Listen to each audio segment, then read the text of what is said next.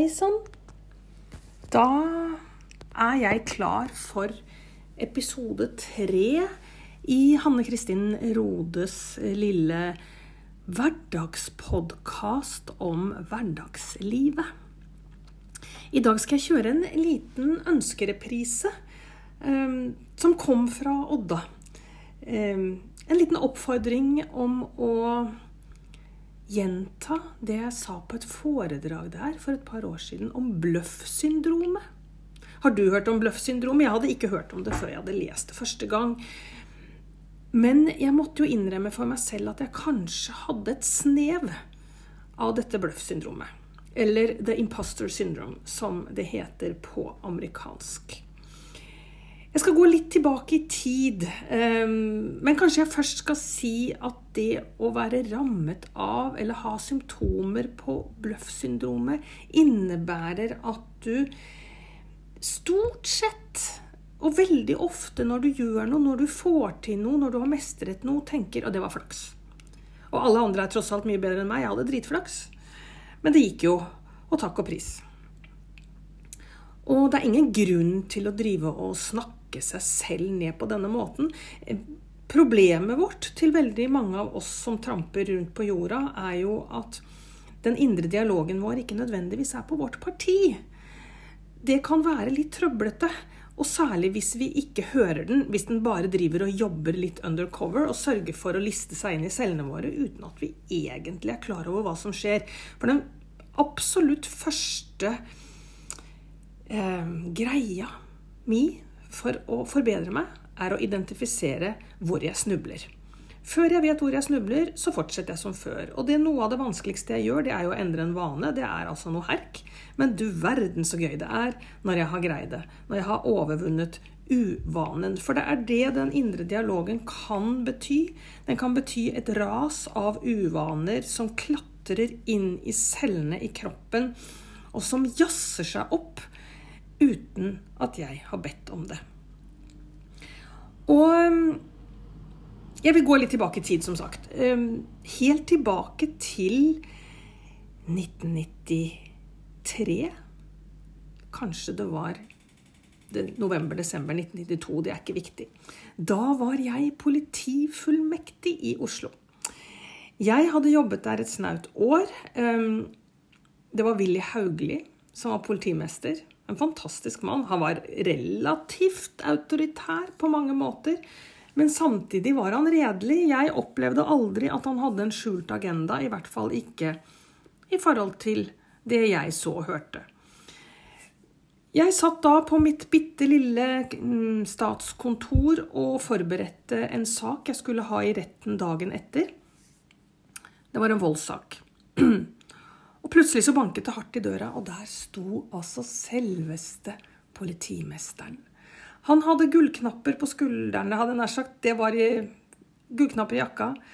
Han hadde gull på skuldrene. Han hadde uniformslua mellom kroppen og albuen. Og han smilte bitte litt. Og så sa han 'God morgen, Rode'. Og jeg skvatt altså rett opp. Og vi hadde jo lært da vi ble ansatt ved Oslo politi, at når politimesteren kommer, da skal du ikke sitte, du skal reise deg opp i respekt for politimesteren. Jeg sto stiv som en pinne midt på dette lille gulvet. Og hjertet banket, og min indre dialog gikk jo fullstendig bananas. Akkurat da var den veldig høyrøstet, og jeg hørte alt den sa. Blant annet Hva gjør han her? Hvorfor kommer politimesteren til lille meg? Det er 120 jurister i Oslo, her står jeg, og jeg har jo bare vært her et snaut år, og herre min hatt, jeg må ha gjort noe gærent.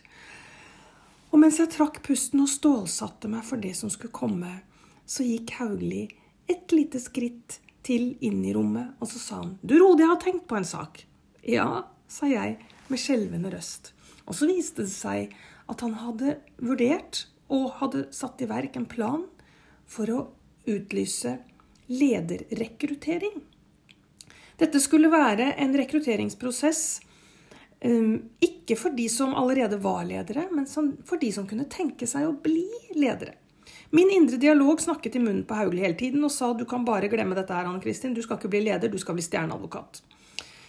Det jeg da ikke visste riktig ennå, men som jeg oppdaget i løpet av de nærmeste ukene som fulgte, var at jeg hadde ikke et snev talent som stjerneadvokat. Paragrafene og jeg ble stadig mer uvenner. Det funka jo på et hverdagsplan, det var ikke det. Men de store høyder innså jeg etter hvert at kanskje kom til å utebli. Men min indre dialog den var veldig overbevisende. Bare si tusen takk for at han kom, og så fortsetter du som før. For leder, det skal du aldri bli. Så jeg neide pent til Hauglie og takket for at han kom. Og så ble jeg stående midt på gulvet lenge etter at han var gått. Og så tenkte jeg hvorfor kom han hit? Og så skjønte jeg det jo. Han hadde gått feil. For på kontoret ved siden av så satt det en kvinne som hadde jobbet ved Oslo i ti år. Hun hadde et dobbeltnavn som kunne ligne på mitt, og jeg tenkte han skulle selvfølgelig vært hos henne. Jeg stormet ut i korridoren og kikket etter han. Han var kommet helt bort til heisen. Politihuset i Oslo er langt og smalt, og jeg tenkte jeg rekker ikke bort dit før han kommer i heisen. Dessuten, han finner jo ut, dette er jo ikke noen krise. At han gikk feil, det er jo ikke mitt problem. Tenkte jeg kanskje. Og så gikk jeg tilbake og fortsatte som før. Og så gikk det en ukes tid, da. Og dette var jo før dataen kom. Så da lå det plutselig ett av fire ark i min posthylle på forkontoret. Sikkert delt ut til eh, alle ansatte. Og der lyste han ut lederrekruttering, og jeg tenkte du store verden nå. Ja ja. Og så gikk jeg hjem etter endt arbeidstid, og så fortalte jeg til mannen min hva som hadde skjedd. Det som jeg nettopp har fortalt til deg nå. Og så sa jeg jeg lurer på om jeg skal søke. Ja, hvorfor det, altså? Nei, jeg har bare fått en sånn litt sånn uggen følelse nedi magen at Sa jeg at jeg aldri kommer til å bli en god jurist? Nei, det tror ikke jeg heller sa. Så da var vi to.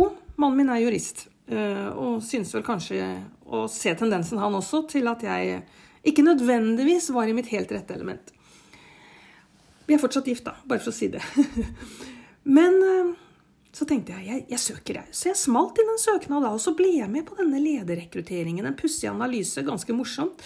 Det var et svensk eh, selskap, dette her. og Vi skulle tegne rundinger og trekanter og firkanter i ulike farger og assosiere ting med det. Vi var ute i skauen og klatret i trær, og vi var på samlinger hvor vi skulle resonnere og drodle rundt eh, strategi og planer i ja, sjiktet mellom politikk og forvaltning. Svært allsidig, vil jeg si.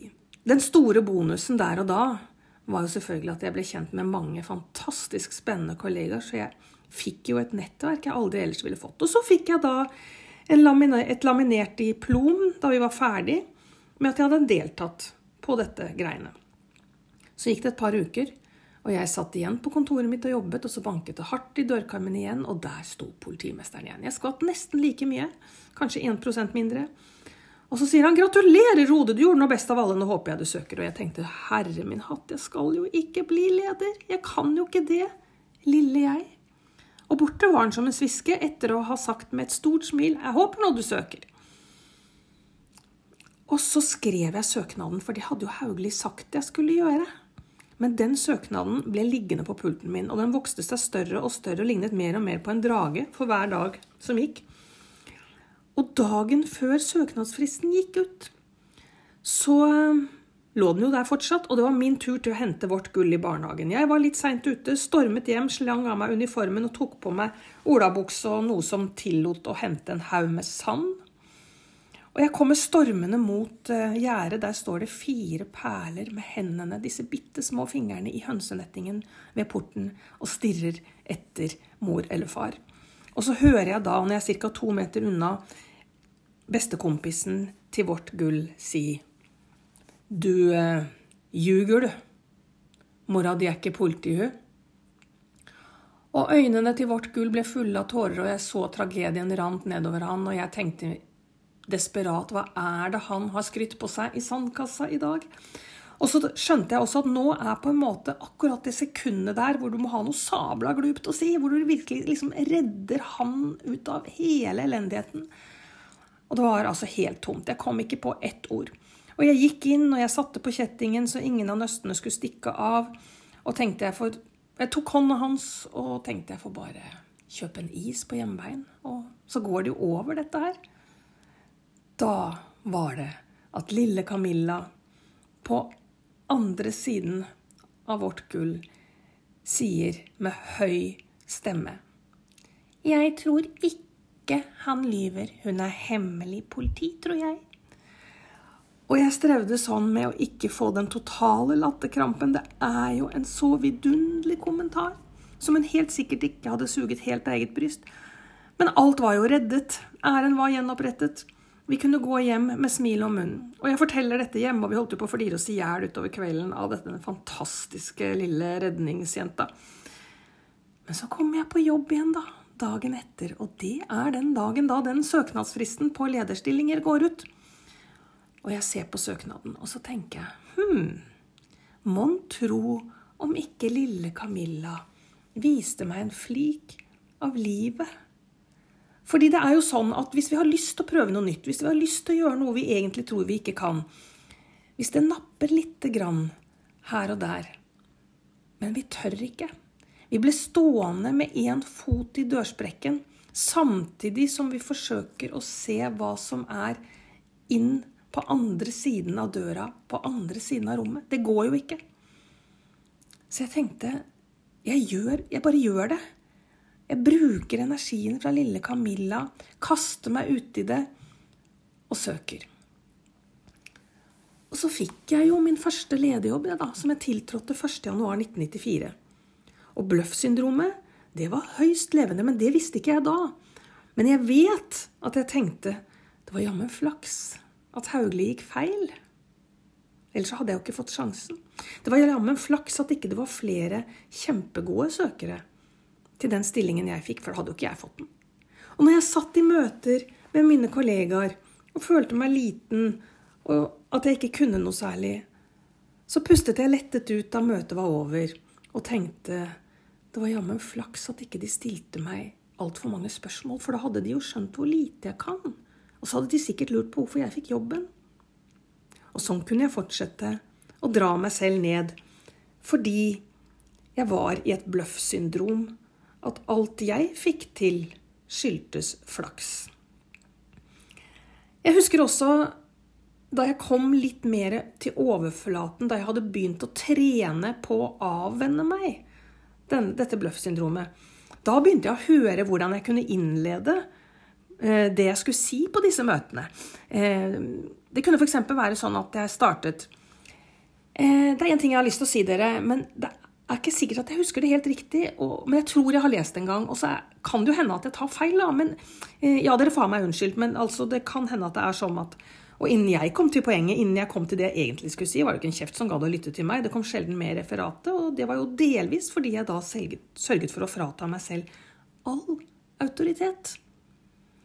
Så sånn kan vi dra oss selv ned, og da nytter det ikke å sitte og si at andre er dumme, for jeg legger opp til det selv. Hele vorspielet mitt var å dra meg selv ned. Og når jeg da kom til liksom favorittlåta, det store argumentet, det jeg mente at alle burde lytte til, da var de opptatt av eh, noe helt annet. Det finnes en eh, kvinne, amerikansk, som heter Valerie Young. Hun har skrevet en bok som heter The Secret Thoughts of Successful Women. Hvor hun viser til hvordan kvinner, og kvinner er i majoritet, men det fins også menn, men hvordan kvinner da tviler på seg selv. Og dette er altså karrierekvinner med toppjobber som hver eneste dag sliter med å tro på seg selv. Hun gir veldig mange råd på hvordan man skal ta lederskap. Og veldig mye er veldig bra. Så jeg kan absolutt anbefale boka. Men jeg vil legge til noe som for meg ble og er helt uunnværlig. Og det er Hør nøye etter nå, for denne setningen er veldig spesiell, og den kan føles feil. Du kan aldri bli for mye. Ta til deg den. Og hvis du går rett opp i hodet, så vil du tenke jo, jeg vet om jantelov, og jeg vet om noen som tar all plass, og som dominerer. Ja, det er jeg helt enig i. Og det er ikke behagelig. Det er ikke det jeg snakker om. Men hvis du går helt inn i deg selv og finner ut hvem du er. Du bruker det du er, på en helt ren måte. Du bruker eh, Nå skal jeg bruke et engelsk ord. No, no force. For jeg finner ikke noe godt ord. Du har no force når du er ute og sier eller gjør noe. Du, eller jeg, du, vi bruker ingen kontroll. Vi har ingen agenda. Vi skal ikke oppnå noe. Det er ikke en skjult agenda som driver oss. Så henger vi ikke fast i våre egne argumenter, for det er jo ikke alltid vi har rett. Men vi tør å være, vi tør å levere ut. Og så krever vi ingenting tilbake. Det er en betingelsesløs væremåte.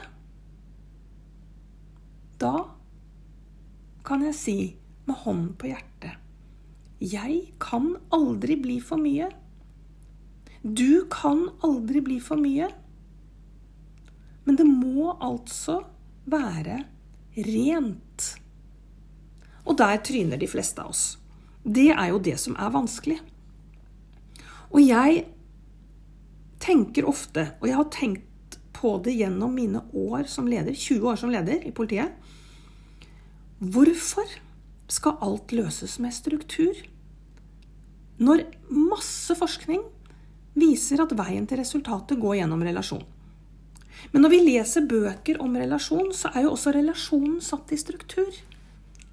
Så da biter vi oss selv litt i halen. Kunne du tenke deg gå til din egen arbeidsplass eller en, et styre du er med, et nabolag hvor dere setter dere ned? Går det an å se for seg at man bare er? At vi bare setter oss ned, ser på hverandre, drikker litt kaffe eller te, og så begynner vi bare et sted å snakke? Helt rent. No agenda, No control, no attachment, no craving, no force. Du kan aldri være for mye. Hva vil skje da? Høres dette helt på trynet ut, så skjønner jeg det. Men nå er vi i en situasjon med covid-19 som har rammet hele verden. Mange i Norge er arbeidsledige. Jeg aner ikke om jeg har noe inntekt dette året. Men uh, det bekymrer meg ikke. Jeg har jo tidligere på direktesending på Facebook så har jeg jo sagt noe sånt som at for å få kontroll på livet, så må du slippe kontrollen først. Og det har jeg gjort. Jeg har bare sluppet kontrollen. Jeg vet ikke når jeg har foredrag igjen, og jeg vet ikke hvor mange bøker jeg selger i år. Jeg har null kontroll på inntekten min. Men eh, jeg har full kontroll på hvem jeg vil være. Det betyr ikke at jeg gjør alt riktig. Jeg er fortsatt ikke ute etter perfekte. Men jeg har så inderlig lyst til at hvis du strever med noe, at du skal kjenne på at du aldri kan være for mye. Ikke gi bort energien din til noen. Hvis noen kommer og såkalt tar all energi, len deg litt tilbake, ta et skritt unna, og dra energien din tilbake deg selv. Det blir så mye lettere å være deg, liksom. Det er i hvert fall min erfaring, da. Det å ta denne morgenkaffen på jobben, hvor man kanskje virkelig får en god stund, fem minutter, ti minutter, kanskje et kvarter, hvor det virkelig er god energi Hvordan skal vi greie å ta med den gode energien inn i jobben? For det veldig mange av oss gjør, er at vi setter fra oss kaffekoppen og sier OK, da var det jobb. Og så er vi rett inn i struktur. Mens det verden trenger nå, midt i covid, og på vei ut om forhåpentligvis ikke altfor lenge, det er ren relasjon. Det er verdensledere som tenker nytt.